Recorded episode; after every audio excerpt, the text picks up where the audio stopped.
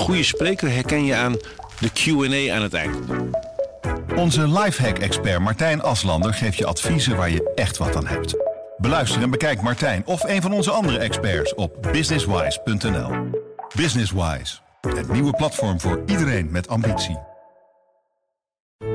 Ik ben Angelique Kunst en ik heb de podcast In de Ban van Rian gemaakt. En deze is nu genomineerd voor een Dutch Podcast Award. Help jij me aan de overwinning? Je kan stemmen via podcastawards.nl/slash stem. Alvast heel hartelijk bedankt. Dit is de podcast Politiek Dichtbij. Met Tobias den Hartog en Thomas Brouwer. Veel blije gezichten in Den Haag. De kerstverse landbouwminister kreeg het mooiste cadeau dat je kunt krijgen. En Caroline van der Plas was zelfs een beetje verliefd geworden. Wat is het geheim van Johan Remkes en biedt zijn rapport echt hoop om een oplossing in de stikstofcrisis? En het kabinet trekt de portemonnee voor het prijsplafond. Maar waar moeten die miljarden eigenlijk vandaan komen? Dat en meer bespreek ik met Tobias den Hartog en Marcia Nieuwenhuis. Ja, Marcia, jij wilde beginnen met een uh, fragmentje uit op één. Laten we heel even luisteren. De strijd hier is ja. de zon op je huid mogen voelen. Zelf mogen bepalen wie je wil zijn. De wind door je haren voelen. En daar hoort ja. even geen nuance bij of een maar. Geef die schaar dan. Kijk. Want ik vind, uh, ik, mijn strijd is meer de, de wind door je haar. Dat vind ja. ik een, een mooie. Maar als jullie het doen, doe ik graag een lok mee als dat mag. Wauw. Ja, na de Zweedse politicus Abir al-Salani is uh, Yezilgus de eerste minister ter wereld die haar haar afknipt. Voor de Iraanse vrouwen, hè, waar al lang een strijd woedt. Uh, dus ik vond het toch wel een, uh, ja, een opmerkelijk moment. Het viel me wel op dat ze maar een een klein plukje, een beetje van achter zo wegknipte. Waar anderen echt fors de schaar uh, in het haar zetten. Maar uh, nou ja, het is toch een moment wat ik even wilde markeren. Even een statement uh, gemaakt. Tobias? Uh... Ja, ik heb de tondeuze gepakt van de week. Want ik dacht, ja, gaan we all the way. De wind door je haren? Ja, de wind door je haren. Nee hoor, dat is onzin. Maakt dit verder dan nog impact, zo'n zo'n statement? Ik weet niet of... Er nou direct invloed is van dat knippen van het haar. Maar het, het is toch, ja, toch weer uh, iets waar je, waar je in kan laten zien uh, hoe je ervoor staat. Uh, vorige week was er ook nog een forse demonstratie. Het viel me ook op dat er echt veel mensen kwamen in Den Haag. Komende week staat er ook weer één op de agenda. Dus uh, het is wel een, uh, ja, iets wat echt uh, de wereld bezighoudt. Straks gaan we het uitgebreid hebben over het rapport van Johan Remkes. Maar er was meer nieuws deze week. Het is heel lastig om te zeggen of we op inderdaad 10, 11 miljard koersen... of een heel erg scenario van 40 miljard. Het kabinet legt een begroting voor aan de Kamer en vraagt daar uh, toestemming voor. En er zit gewoon een enorm gat in. Ik vind dat dat niet kan. Ze vraagt een, een blanco cheque van ons. Ik begrijp de terechte zorg uh, die de heer Nijboer heeft uitgesproken... en de heer Grinwis en de heer Stoffer over de dekking. Dit is uh, niet zoals ik mijn start als minister van Financiën had voorgesteld... maar ik had de oorlog ook nooit uh, kunnen bedenken... en alles wat we sindsdien hebben kunnen en mogen doen... om mensen in Nederland te helpen. Ja, in de Tweede Kamer werd deze week gesproken over het prijsplafond voor de energierekening. Met die maatregel wil het kabinet ervoor zorgen dat de energierekening voor alle huishoudens betaalbaar blijft. Ja, maar of het voor ons straks ook betaalbaar blijft, als, uh, als Nederland? Dat is nog even de grote vraag, uh, Tobias. Want we weten eigenlijk niet hoeveel het gaat kosten, hè, dat prijsplafond. Nee, het zit ergens tussen de 10, 23,5 uh, miljard en 40 miljard. Als het, als het heel slecht uh, uitpakt. Dus als de gasprijs wereldwijd omhoog gaat, gaat het de staat ook meer geld kosten. Kijk, punt is, het kabinet wil de, de rekening van huishoudens gewoon dempen. Dus de, die, die moet omlaag. Nou, hoe ga je dat betalen? Dat gaat de staat dus betalen. En de vraag is, ja, waar gaan we vervolgens dat geld vandaan halen? Nou is de hoop dat we de winsten van energieproducenten kunnen afromen. Hè, dat we dat kunnen afschrapen eigenlijk. Die maken zulke hoge winsten, daar kan best wel wat af. Dat zou, eh, ja, het eigenlijk, uh, dat zou de kosten moeten gaan opbrengen. Van... Maar dat, is dat dan 23 miljard, die nee, winsten? Nee, nee, nee zeker niet. Nee, gelukkig was er al een potje van 5,5 miljard, 5,4 miljard. Ja, je wordt zelfs slordig als het over honderden miljoenen gaat. Maar uh, 5,4 miljard uh, was ergens anders voor bedoeld voor energiebelastingverlaging. Dat ging niet door, dus die hebben we alvast. En, maar dan heb je nog steeds een, een behoorlijk uh, gat te dichten. En dan gaan we ook iets meer verdienen aan het gas dat wij als land zelf verkopen. Hè? Want dat doen we ook nog steeds. We hebben nog steeds kleine gasvelden waar we uit pompen. En dat verkopen we dan ook weer onder meer aan, aan uh, Duitsland. Dat, levert, dat levert echt fors meer dat op. Levert ook, fors meer op. Dat ja. halverwege de crisis al was berekend. Toen was ja. het al 7 miljard. Ja, precies. Dus dan kom je, nou ja, stapje bij beetje. Hè? Dan, dan, als je dat allemaal optelt, dan kom je al een beetje in de buurt. Maar dan nog is uh, niet duidelijk waar de rest vandaan komt. En de Tweede Kamer, je hoort het Alkaya zeggen van de SP SP. Die zegt, ja, je, je vraagt nu eigenlijk ja te zeggen tegen prijsplafond, maar we weten nog niet eh, eh, wat het gaat kosten. Ja, die zijn natuurlijk bang dat het straks tot bezuinigingen op andere... eh, Exact. En daarvan zegt Kaag, nou, ik wil nog niet zeggen of ik ga bezuinigen en zo ja, waarop dan. Plus, je kunt ook ervoor kiezen om het allemaal in de staatsschuld te laten lopen. En dan loopt de, schuld, eh, de staatsschuld wat op. Dat betaal je dan weer terug ook hoor, maar over een langere periode. Eh, misschien zelfs een volgende generatie. Nou, dat wil Kaag ook niet per se, hè, want je wil eigenlijk die schatkist altijd wel netjes achterlaten als je vertrekt als eh, minister van Financiën. Dus ja, in die zin eh, zit, het een, zit het een beetje klem. Maar goed, ik denk dat de Tweede Kamer wel gaat zeggen, nou, de prijsplafond gaan we niet tegen zijn. Dus we gaan op vakantie, maar we weten nog niet hoeveel het kost. Ja, daar komt het een beetje op neer. Ja, en ze wilden dan in het voorjaar op terugkomen, hè? Ja, ja. Waarom dan pas? Ja, het heeft een beetje te maken met de spelregeltjes van de Tweede Kamer. Hè. Als je nu beslist hoe je je geld volgend jaar gaat uitgeven, dan klopt dat hè, volgens de spelre- spelregels. Je hebt Prinsjesdag, dan komt er eh, algemene beschouwingen, nou, dan komen de begrotingen. Dat zijn gewoon wetten, daar wordt over gestemd. Dus volgens de spelregels beslis je nu hoe je je geld volgend jaar uitgeeft. Nou ja, je beslist dus nu, we gaan veel geld uitgeven. Maar hoeveel, dat weten we nog niet. En zij wil eigenlijk in het voorjaar zeggen, nou, eh, we koersen nu ongeveer hier en daarop. Jullie kunnen dan misschien halverwege de kraan nog een beetje dichtdraaien. Maar ja, het is niet helemaal zoals het, eh, zoals het hoort eigenlijk. Wettelijk gezien is het echt een rommeltje. Over het tijdspad gesproken, wat wel heel erg opvallend is, is dat er echt maandenlang is gezegd: nee, we kunnen dit jaar echt niks meer doen. We kunnen Ja. dit jaar echt niks meer doen. En dat toen op het allerlaatste, op de laatste dag, op Prinsjesdag, is pas besloten van we gaan het toch doen, dat prijsplafond. Zonder dat duidelijk was wie ging nou voor die rekening opdraaien. Of de energiebedrijven of het kabinet zelf. Dus in dat opzicht krijgt het op mij wel de indruk eh, alsof ze zichzelf ook een hele onhandige onderhandelingspositie hebben eh, gegeven. Want doordat het haasje repje moest, was helemaal nog niet duidelijk wie, wie wat ging betalen. En dus ja, hebben die energiebedrijven ook wel een heel goede stand in de onderhandelingen natuurlijk. Want die kunnen nu natuurlijk zeggen, nee, maar we kunnen echt niks missen. Ja, en dan zitten ze zeker met een probleem, want Moeten ze zelf gaan dokken. exact. Die staatsschuld, hè? Ik, ik hoor steeds ook de verhalen dat Nederland juist nu heel veel verdient aan de, aan de energie. Zou dat dan al heel problematisch zijn als we inderdaad wat meer gaan lenen? Eh, nee, op zich op dit moment nog niet. Maar dat komt ook vooral omdat onze economie nog steeds groeit. Hè? Dus door de inflatie daalt ook je schuld. Hè? En, eh, en tegelijkertijd groeit onze economie nog steeds een beetje. Ook het komende jaar wordt nog economische groei eh, voorspeld. En Nederland staat er op zich op de obligatiemarkt goed op. Hè? Wij zijn een hele betrouwbare partner. Leen ons geld en je krijgt het zeker terug. Dus op zich is er nog helemaal geen nood aan de man. Alleen ja, op het moment dat de economie gaat krimpen eh, en een, eh, je zou naar, ja, overgaan tot een recessie of iets dergelijks, dan komt dat allemaal onder druk te staan. En dan heb je alweer wat sneller dat bezuinigingen logischer zijn dan je schuld dan ook nog op te laten lopen. Hè? En daar zijn, de, eh, daar zijn een aantal partijen in de Kamer best bang voor natuurlijk. Van, ja, nu, gaat het, nu ziet het er nog zonnig uit, maar als het straks gaat regenen, ja, dan gaan we bezuinigen. Ja. Ja, het ging deze week niet alleen over het prijsplafond, maar er werd vooral ook uitgekeken naar afgelopen woensdag. Want toen presenteerde bemiddelaar Remkes zijn rapport over de aanpak van de stikstofcrisis. Het eerlijke verhaal is dat de maatregelen tegen stikstof veel te lang vooruit zijn geschoven. En dat op korte termijn ingegrepen moet worden. Het eerlijke verhaal is ook dat een groot deel van de wensen van de agrarische partijen ingewilligd kunnen worden. In de kern geldt dat vroeg en stevig beginnen voor de natuur in feite veel belangrijker is dan precies op tijd te eindigen. Tegelijk is een deadline op korte termijn noodzakelijk voor snel begin. Marcia, je zat op de eerste rij tijdens deze persconferentie. Wat zijn nou eigenlijk de, de belangrijkste conclusies van dit rapport? Nou, wat echt een nieuw aspect is, is dat hij 500 tot 600 bedrijven wil of eh, uitkopen of verplaatsen binnen een jaar. En dat is echt een nieuwe, ja, een nieuw, een nieuwe manier om er tegenaan te kijken. Eh, want met die het uitkopen van die bedrijven wil hij zorgen dat er ook eh, 25 boerenbedrijven geholpen kunnen worden. Die eigenlijk enorm in de penarie zijn gekomen door een uitspraak van de Raad van State in 2019. Dat zijn de zogeheten pasmelders. Je had het programma eh, aanpak stikstof. En, en door die uitspraak van de rechter eh, hadden die boeren eigenlijk ineens geen recht meer op iets waarvan ze dachten dat, waar, dat ze er wel recht op hadden. Dus dat was erg lastig.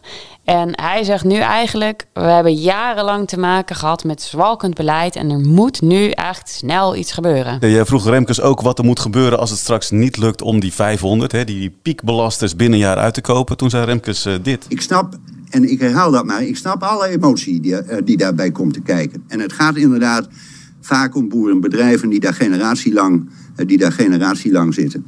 Maar ook op dat punt moet je wel eerlijk zijn. Dus daar gaat het over. Oké, dus u bedoelt als die 500 of 600 niet vrijwillig besluiten, ik stop binnen een jaar, dan wordt de vergunning nee, nee, nee, ingetrokken nee, van de nee, nee, nee, nee, dat is te kort door de bocht. Ik heb iets anders gezegd. Ik heb gezegd dat kan soms gaan om aanpassing van het bedrijfsplan. Dat kan soms ook gaan om innovatieve uh, mogelijkheden. Daar zal wel in de tijd gezien een deadline bij aangebracht moeten worden. Ja, en als die deadline niet gehaald wordt, dan komt deze boodschap aan de orde. Ja, en die boodschap is dus dan gedwongen uitkoop. Ja, dat zou toch wel een flinke omslag zijn in, uh, in het beleid. Zeker, ja. En daarmee eigenlijk ook een nieuwe splijtswam in het hele dossier. want we hebben het eerst gehad over het jaar 2030. Het kabinet had allemaal netjes bij het coalitieakkoord een handtekening gezet. Hè? Zowel CDA als ChristenUnie, als VVD, als uh, D66. En uh, daarna heeft Hoekstra in een interview uh, in het AD gezegd... nou, die 2030 is voor mij helemaal niet heilig. Waarna het, ja, het kabinet kwam daarmee enorm onder druk te staan. Um, en daar heeft hij eigenlijk ook een oplossing voor bedacht voor, die 2030. Um, maar met dit voorstel voor die 500 tot 600 bedrijven binnen een jaar uitkopen, is er eigenlijk weer een nieuwe splijtswam ontstaan. Want dit zal ook binnen de coalitie weer lastig liggen. Want het CDA en de VVD die willen ook wel opkomen voor de boerenbedrijven. En D66 anderzijds, die wil weer uh, zorgen dat het snel gaat, uh, die, die stikstofdoelen bereiken. Dus ik ben heel erg benieuwd waar het kabinet uh, de 14e mee komt. Dan komt de officiële kabinetsreactie. Volgende week gaan ze dus inderdaad reageren. Dan moet er dus ook al worden nagedacht over, nou ja, als we dat dan gaan doen, die 500 bedrijven uitkopen, waar komt dat geld dan weer vandaan, toch? Nou, er is een enorme pot vrijgemaakt van 24, 25 miljard euro is er al voor dit stikstofdossier vrijgemaakt. Dus een deel daarvan zou gebruikt worden om bedrijven uit te kopen. En Remke zegt eigenlijk van, doe dat nou echt zo ruimhartig mogelijk. Dus dat je ook zeker weet dat dit is het ultieme bod wat je een boer geeft. En later komt er geen beter voorstel meer. Ja, zodat het niet aantrekkelijk is voor boeren om zo lang mogelijk te wachten, omdat ze dan overblijven en dus als laatste een veel beter bod zouden kunnen krijgen. Precies. Hij zegt: probeer nu met een zo ruimhartig mogelijke regeling te zorgen dat er snel uh, bedrijven gaan stoppen. Maar dat moeten dan wel de piekbelasters zijn. Dat zijn eigenlijk de bedrijven die erg veel uitstoten vlakbij een natuurgebied. Want dat is eigenlijk het meest schadelijk natuurlijk voor de natuur. Ja, en hij noemt dan 500 tot 600 uh, bedrijven. Hoe komt hij tot het aantal dan? Ja, dat is een goede vraag. En we hebben natuurlijk meteen met het ministerie gebeld. Van nou, doe ons die lijst even. Uh, die lijst schijnt er nog niet te zijn. Dus uh, daar wordt nog hard aan Is dat dan zomaar een cijfer wat hij dan noemt? Van het zijn er ongeveer 500? Of? Nee, dat denk ik niet. Nee, um, ik, wat ik denk dat hij voor ogen heeft, is dat hij uh, daarmee, dus die andere boeren, hè, want da doordat je zegt van nou die allerergste die gaan nu stoppen, ontstaat er meer ruimte voor anderen om wel hun uh, vak uit te oefenen. En wat hij wil is dat die mensen ook gecompenseerd worden. Uh, dat is ook waarom sommige partijen, noem maar wat de boer-burgerbeweging bijvoorbeeld, heel blij is. Van nou, eindelijk krijgen die boeren ook wel iets terug. Want zij zijn eigenlijk heel erg gedupeerd door uh, het jarenlange beleid, waardoor uh, beslissingen steeds maar voor zich uit worden geschoven. Terwijl dat volgens de rechter eigenlijk helemaal niet bleek te kunnen. U was er over dat opkopen was sowieso al veel te doen deze week. Toen kwam het, uh, het planbureau voor de leefomgeving. Die kwam nog met een, een, ja, ook met een eigen rapport. En die zei, joh, dat uitkopen, dat is eigenlijk helemaal niet realistisch. Want het gaat en veel te veel kosten. En boeren die niet willen, dan kom je in, in enorme tijdrovende juridische procedures terecht. Ja, en Remke zegt, ik heb me daar ook rekenschap van gegeven. En een van de adviezen die er in het rapport staat, die, die zegt, nou ja, als je het al doet, dan moet je het heel gericht doen. Dus bij bepaalde plekken. En daarvan zegt Remkes nu, nou ja, dat is nu ook het, het, belangrijkste wat we kunnen doen. Dus echt heel gericht bedrijven die het meeste uitstoten vlakbij, bijvoorbeeld de Veluwe. Hè, dat is een, het, het, grootste natuurgebied in Nederland waar echt pal naast ook serieus veel boeren zitten die enorm veel uitstoten. Uh, dus ik verwacht dat daar echt grote veranderingen gaan optreden. En dat is eigenlijk helemaal niet zo heel erg verschillend van wat je zag op dat verfoeide stikstofkaartje waar iedereen niks van moest hebben. Want daar was, was ook de provincie Gelderland had hele andere kleurtjes dan alle andere kleuren, omdat daar echt het voornaamste probleem zit. Ja, dat stikstofkaartje dat was ook iets van uh, Remkes, hè? Daar wil hij vanaf. Klopt, ja. En uh, Christiane van der Wal heeft intussen ook al gezegd... nou, ik wil er ook vanaf en het spijt me, het had allemaal niet zo gemoeten.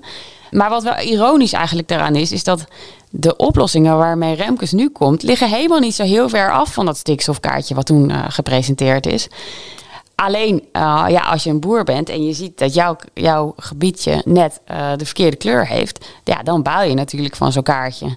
Dus strategisch gezien was het misschien niet zo'n uh, slimme zet. Dat kaartje überhaupt? Ja, of dat van kaartje, Rutgers? dat maakte ontzettend veel mensen ontzettend boos. Van, hoe kun je dit doen? En uh, waarom heb, zit ik net in het stukje met 90%? Of waarom zit ik net in het stukje met 70%? Dat wekte heel veel woede. Ja, dat is ook een van de kritiekpunten van Remkes. Hè? De, de manier waarop het kabinet met de boeren in gesprek is gegaan, de communicatie rondom dit hele stikstofdossier, dat had het kabinet beter moeten aanpakken, uh, zegt Remkes. Ja, het loog er echt niet om wat hij allemaal schreef hoor. Hij had het over zwalkend beleid en miscommunicatie. En het is ook al jarenlang misgegaan. Dus in dat opzicht uh, wens ik Piet Adema, de nieuwe minister die maandag, uh, afgelopen maandag is beëdigd, wel erg veel uh, sterkte. Piet Adema was een van degenen die heel erg blij was met het rapport. Die noemde het zelfs een cadeautje. Er waren meer positieve reacties. Ik ben heel blij dat het rapport er ligt. Er is heel veel gebeurd de afgelopen periode. Er zijn acties geweest. Er is een enorme tegenstelling ontstaan tussen stad en platteland. Remkes benoemt het ook heel mooi. Ik vind het een evenwichtig rapport. Het is echt een drieslag tussen eerst nou, de emoties benoemen, de zorgen. Tegelijkertijd de analyse van wat is nou het stikstofprobleem en waarom is het nou nodig om dat probleem op te lossen, ook met urgentie. Uh, ik ben blij dat gewoon er straks weer een wet ligt waar 2030 in staat. Waarin gewoon alles wat we hadden afgesproken, wat we zouden gaan doen op stikstof, dat dat overeind blijft. Uh, wij vinden dat uh, Remkes een goede rol heeft gespeeld. ons allemaal goed behandeld heeft. Wat dat betreft een, een, een goede rol heeft gespeeld. En nou liet ik mij een beetje gekscherend ontvallen dat ik een beetje verliefd was geworden op de heer Remkes. Wat natuurlijk gewoon een grapje is. Ik bood mijn excuses aan voor mijn eerdere uh, kritiek op hem. En, uh, want ik ben daar wel scherp in geweest. Maar ik wil dan ook heel eerlijk zijn dat ik wel vind dat hij goed werk heeft geleverd. Tobias, ook een beetje verliefd geworden op Remkes? nee, het geheel niet. Maar ik vind het wel knap wat hij doet. Ik bedoel, hij heeft dezelfde wijn, hè, die, die wijn die, die we eigenlijk hebben bereid in de, met het coalitieakkoord. En Marcia zei het al.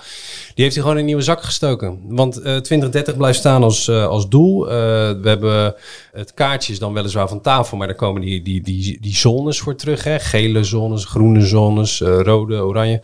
in deze opzet worden er boeren uitgekocht.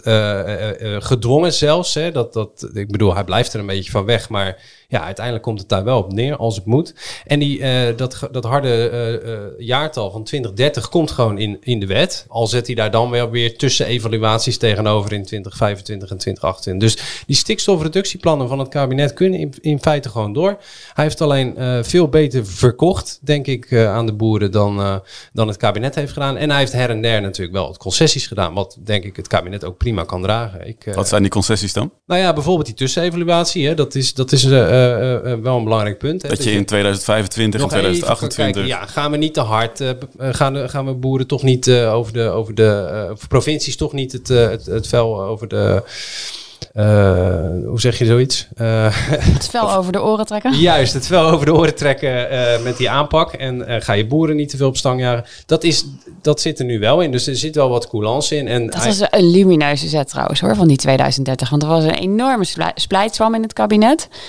Kaag heeft op een gegeven moment zelfs gezegd dat het vertrouwen daardoor weg was in het kabinet. En hij heeft dus door die eikmomenten van 2025 en 2028 genoemen...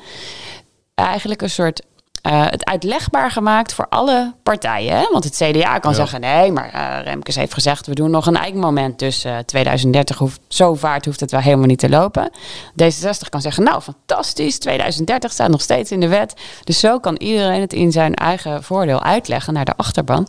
Dat vind ik toch wel ja, een bijzondere vondst. Ja, het zijn dus de, de taaltrucjes die hij dan heeft om het net even anders te verwoorden. hebben jullie andere. Bedoel, jullie hebben Remkes nu de afgelopen maanden toch een beetje aan het werk gezien. Hebben jullie zijn, zijn geheim kunnen ontdekken? Nee, nee, maar hij komt ook altijd op het moment dat het totaal verzuurd is. Dus je, je kan bijna. Ja, je kan, kan je het, het nog, kan niet slechter worden nee, dan kan dit. je het nog meer stuk maken, weet je? Dat is ook een beetje de vraag. En hij, hij, hij wil nu ook een maandelijks overleg tussen kabinet en boerenorganisaties. Nou, ik moet nog zien of, of, of, of dat van de grond komt. En je moet ook wel even, eh, laten we wel wezen, heel veel van dit rapport, van dit stikstofrapport, zat al in zijn vorige rapport hè, over de, hoe we de ruimte in Nederland moeten verdelen. En hij heeft gewoon een aantal aanbevelingen ook gewoon meegenomen uit dat rapport. Daar maakt hij ook geen geheim van. Maar die zijn natuurlijk ook niet allemaal uitgevoerd. Dus ja, er ligt een basis om op te werken, maar het bouwwerk is er nog verder vanaf. Ik bedoel, nu is het wel echt eh, aan, de, aan de politiek. En er zit nog wel één ding in, eh, wat, wat, waar ik een beetje verontrust over zou worden. Dat is namelijk dat uitkopen van die eh, piekbelasters, hè, waarvan, hè, dat zijn eh, bedrijven die heel veel stikstof uitstoten. 90% of 90 van de 100 eh, eh, vuilste bedrijven, zeg maar, dat zijn veebedrijven. Maar stel je, nou, stel je nou eens voor dat je die niet uitgekocht krijgt. Dat betekent dus dat die 2500 pasmelder eh, bedrijven, die hebben dan niks. Dat staat tegenover elkaar. Het is een soort van, ja, het is een beetje een bijna, ja, ik wil het geen broedermoord noemen, maar het is dus wel of het een gaat door of het ander gaat door. En daarmee staan boeren misschien op enig moment wel tegenover elkaar. Van het is dit bedrijf of het is dat bedrijf. En ehm, eh, ik snap dat Remkes dat ook zo doet, want het kan niet anders. Hè. Het, het, is nou eenmaal de verdeling van schaarse ruimte. Eh, maar het is wel een probleem wat je ja, ergens in de toekomst ziet opdoemen, denk ik. Ja, als ik jullie nou zo hoor, eigenlijk vertelt hij een oud verhaal in, eh, op een nieuwe vorm. Er zijn nog heel veel eh, pijnpunten die er nog aankomen. Iedereen lijkt nu blij. Hoe lang, eh, hoe lang gaat dit nog duren dan? Nou ja, als blijkt dat dat niet lukt om die 500 tot 600 piekbelasters uit te kopen, dan eh, heb je natuurlijk best wel kans dat er weer boerenprotesten ontstaan. Staan de trekkers weer in Den Haag? eh, krijgen die andere boeren niet hun, hun, hun vergunning weer terug. Dus dat is voor die boeren een domper. Ja, dan wordt het toch wel weer lastig, denk ik. En dat kan dus al best wel snel zijn, want hij zegt dat het binnen een jaar moet lukken. hè? Terwijl het Planbureau voor de Leefomgeving, die hebben 25 jaar lang van die uitkoopregelingen onderzocht. En die zeggen eigenlijk dat je je daar vooral niet te veel hoge van, verwachtingen van moet hebben. Er was iedereen blij. Als ik jullie nu weer zo hoor, dan word ik toch weer een beetje, een beetje onrustig. eh, Ja, het is een beetje de kleine lettertjes. Hè? Ik bedoel, je moet, je moet, eh, ja, er zit voor iedereen wat in. Maar dat betekent ook dat de, de, de winst van de een is de pijn van de ander. En eh, nu legt iedereen het nog uit als, kijk, ik heb mijn zin gekregen. Maar als, als straks het kabinet eh, dit moet gaan omzetten in concrete maatregelen. Dan gaat bij iedere pijnlijke maatregel, gaat degene die er last van heeft natuurlijk klagen. Dus het is, eh, het is leuk zolang het duurt. Maar op een dag gaat het licht weer aan. En dan ja, staan ze toch allemaal elkaar aan te kijken van, ja, shit. Nu moet er ook echt iets gaan gebeuren. En ja, dat moment, eh, dan is Remkes van het toneel. En dan is het weer aan, eh, aan het kabinet en aan eh, de volgende eh, minister. En ja, die gaat er denk ik, die gaat heel wat minder applaus oosten, schat ik in. De nieuwe minister, hebben we het straks over. Nog heel even. Remkes, hij is nu klaar. Heeft hij al een nieuwe klus? Wat gaat hij doen? Nou, hij zei geloof ik eh, tegen Thomas van Groningen van opeens, zei hij, eh, mij niet bellen. Eh, asielcrisis, nee hoor, dank je. Ja, nee, die, eh, die gaat terug, eh, denk ik, eh, naar huis. En, eh, Ja, naar Groningen weer. Nou, en hij, heeft een, eh, hij heeft een huisje in Thailand ook, volgens mij. Dus eh, nee, maak je over hem. Hij is geen zorgen. 71 jaar. Ja, Gun die man zijn rust. Ja. Hij heeft net eh, maandenlang met al die boeren overlegd. Het zou me niks verbazen als hij binnen een half jaar weer een, een mooi nieuwe commissie kan, kan voorzitten. Ja, Piet Adema. Die viel natuurlijk een beetje weg nu met het grote nieuws rond eh, Remkes. Maar eh, zijn benoemingen, ja, dat was toch ook wel een, een dingetje. Hij werd eh, maandag gepresenteerd als de nieuwe minister van Landbouw. De vraag was zeer indringend. En dat begrijp ik ook als je kijkt naar de grote opgaven waar we met elkaar voor staan. En die vraag was ook voor mijzelf zeer indringend toen ik die vraag verwerkte en daarover na moest gaan denken. Het was zeer indringend voor mijn familie, voor mijn vrouw. Het was zeer indringend omdat we ook naar Den Haag, eh, omdat ik naar Den Haag toe moet, terwijl ik in Friesland woon en blijf wonen graag. En toch ben ik ervan overtuigd dat we met elkaar die stap naar voren moeten zetten. Om met elkaar samen te werken om die nieuwe toekomst voor de agrarische sector, om die te bouwen. Piet Adema, na afgelopen woensdag weet hij eh, waar hij mee aan de slag kan. Waar gaat hij beginnen? Nou, hij gaat denk ik niet te hard van stapel lopen, want hij zei ongeveer zes keer bij zijn aantreden: rust, zekerheid en duidelijkheid. Dat is wat de sector nodig heeft. Dus ik denk dat hij eerst eens even een flinke ronde langs de velden gaat maken om eh, iedereen te leren kennen. Eh, maar vooral niet te snel eh, met eh, nieuws of eh, dingen te komen. Maar er moet wel op enig moment een, eh, een landbouwbrief liggen hè, met eh, eh, perspectief voor de sector. Is daar, de- daar is geen datum voor gesteld, hè? Zeker wel. De Kamer wilde die brief eigenlijk hebben voor Prinsjesdag. Nou, de klok Alleen tikt. dat is dus niet gelukt. De klok tikt nu al voor Piet ver, Adema. ver overheen, ja. Hij is al te laat. Ver- ja, toen Remkes zijn opdracht een beetje heeft uitgebreid, is door het ministerie van LNV gezegd: Nou, het gaat ons niet lukken. Zijn voorganger, Henk Staghouwer, heeft zeer lang en heftig gebroed op die brief. Uh, maar bij de eerste versie nou, ging in de, binnen de coalitie werden er al nou, ongeveer slaande deuren. Uh, een coalitielid liet zich al ontvallen dat hij het gevoel had een middelvinger te krijgen. Dus dat, dat was nog geen soepele start. het is de vraag of Piet Adema dit wel tot een, een goede oplossing weet te krijgen. Waar het allemaal om gaat is dat de boeren die willen eigenlijk extra geld uh, krijgen voor het op een uh, natuurlijke of duurzamere manier uh, tot stand brengen van hun producten.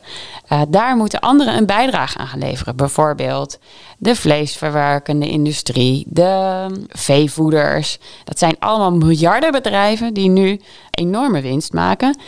terwijl van sommige dingen boeren maar weinig overhouden. En dus zou je kunnen denken aan bijvoorbeeld een vaste prijs voor boeren dat ze meer krijgen voor hun producten, waardoor het bijvoorbeeld ook rendabel is om niet met 100 koeien, maar met 70 koeien in de stal uh, hetzelfde werk te doen, waardoor je raadt het al, de stikstofuitstoot natuurlijk ook omlaag gaat. En volgens Gert-Jan Segers is Piet Adema dus de juiste man om dit soort veranderingen zeg maar, in te gaan voeren. Uh, waarom, waar komt dat vertrouwen van Segers in Piet Adema vandaan? Het is wel echt een oud gediende. Hij was uh, partijvoorzitter bij de ChristenUnie, jarenlang. En het is ook een heel degelijk type. Je, je zal niks geks van hem verwachten. Uh, Saskia van Westrenen, hier ook collega, die kent hem ook al langer. En die zei ja, het is, het is, het is degelijkheid ten top. Hij is al, nog altijd bij dezelfde vrouw, vier kinderen. Het is, het is gewoon degelijk. Is, het is niks mis mee, maar het is ja, degelijker wordt het niet. Maar misschien is dat degelijke en dat saaie ook wel iets wat het Landbouwministerie kan gebruiken, of niet? Ja, dat zou zeker kunnen. En het is geen toeval dat hij net in dat fragmentje ook zegt: hè, kom uit Friesland, blijven wonen. Ik bedoel, het ademt ook een beetje uh, uh, boerensector rond hem. Hè. Is ook gedeputeerde geweest en zo. Dan heb je al wat wortels in, in de provincie. En ik denk dat uh, ChristenUnie ook al heeft ingezien. Ja, Remkes, dat sloeg best aan. Hè. Iemand die niet per se helemaal... Ik bedoel, Remkes werkt al heel zijn leven in Den Haag. Maar die wordt niet per se geassocieerd met dat hele Haagse kliekje. En uh, Adema ook niet. En dat helpt denk ik wel. Want is, is Adema een beetje type Remkes? Kunnen we hem zo al framen? Nou, dat weet ik niet hoor. Dat weet ik niet. Nou, dat lijkt me niet, nee. Ja, nee, ik denk... Kijk, Remkes... Ik vind ChristenUnie en Remkes vind ik niet per se hetzelfde. Nee, Remkes heeft ook wel natuurlijk... Die, ja, die heeft toch een beetje die statuur toegeëigend van dat Norsje. En dat zie ik Adema denk ik nog niet doen. Hij had zijn eerste de, debatje ook van de week. Dat zat, dat, dat zat ik even te kijken. En ja, dat was allemaal heel voorzichtig en aftastend en, en logisch. Hè? Ik bedoel, ik, niemand zou het anders doen. Maar dat is niet uh, de olifant in de porseleinkast die Remkes kan zijn. Dus nee, dat, ja, hij zal zijn eigen weg moeten vinden. En hij heeft wel echt hard voor de partij. Ik begreep dat hij ook dik is met zegers. Eerder toen uh, het kabinet werd geformeerd en er bijvoorbeeld problemen waren met D66 over medisch-ethische kwesties, kwam hij terug van zijn vakantie om het op te lossen samen met zegers. Dus uh, hij gaat er wel echt voor. Piet Adema kan aan de bak. Volgende week vrijdag dan gaat het kabinet dus met een officieel standpunt komen over het uh, rapport van uh, Remkes.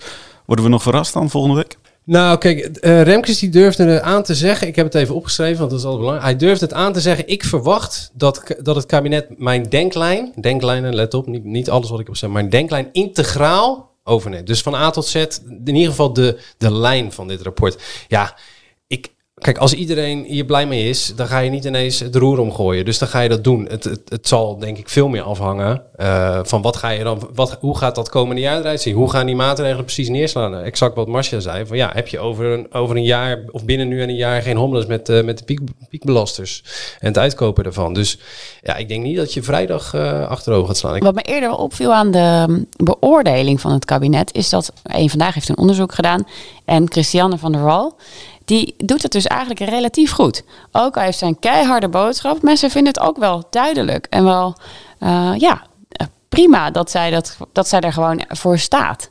Uh, dus in dat opzicht zou je ook kunnen zeggen, nou ja, laten we dan nu doorpakken. Hè? Want we hebben heel lang, eh, zit het land zo ongeveer op slot. En als er niks gebeurt, dan zit het land ook echt op slot. Hè? Dat benadrukt Remkes ook. Dus in dat opzicht zou je wel kunnen zeggen... nou, laten we nou snel uh, die allerergste vervuilers aanpakken. Dan ontstaat er ook weer wat lucht. Bijvoorbeeld voor bouwprojecten die nu niet uitgevoerd kunnen worden. Ja, nog even over Van der Wal, want dat, dat vond ik wel... Kijk, nog niet zo lang geleden stonden daar boeren op haar erf. Stond ze op, op uh, blote, blote poten stond ze het te woord. Uh, woedende boeren, trekkers in de straat. Gewoon bij haar uh, privéwoning. Haar kinderen waren ook bang. Eh, nu kwam dit rapport en geen woord daarover. Hè? Ze heeft geen sneer meer uitgedeeld. Ze heeft de boeren alleen maar uh, veren in de kont gestoken. Het was allemaal lof en, uh, en Hosanna. Dat hoort natuurlijk bij haar rol als minister. Maar ik, als mens vind ik... Nou, daar heb ik toch, wel een klein beetje bewondering voor. Dat je die ego, dat ego-deel even helemaal parkeert. En, en denkt van, ja, hoe gaan we hier uitkomen? Vond ik op zich best knap. Tot zover deze aflevering. Vond je dit nou een leuke podcast? Abonneer je dan via Spotify of Apple Podcast. En volgende week, dan zijn we er weer. Tot dan!